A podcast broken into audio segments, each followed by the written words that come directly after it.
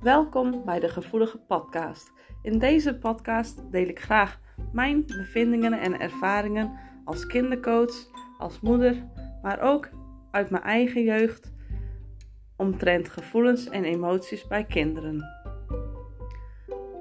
Mocht je meer informatie willen, neem dan gerust eens een kijkje op mijn, mijn website.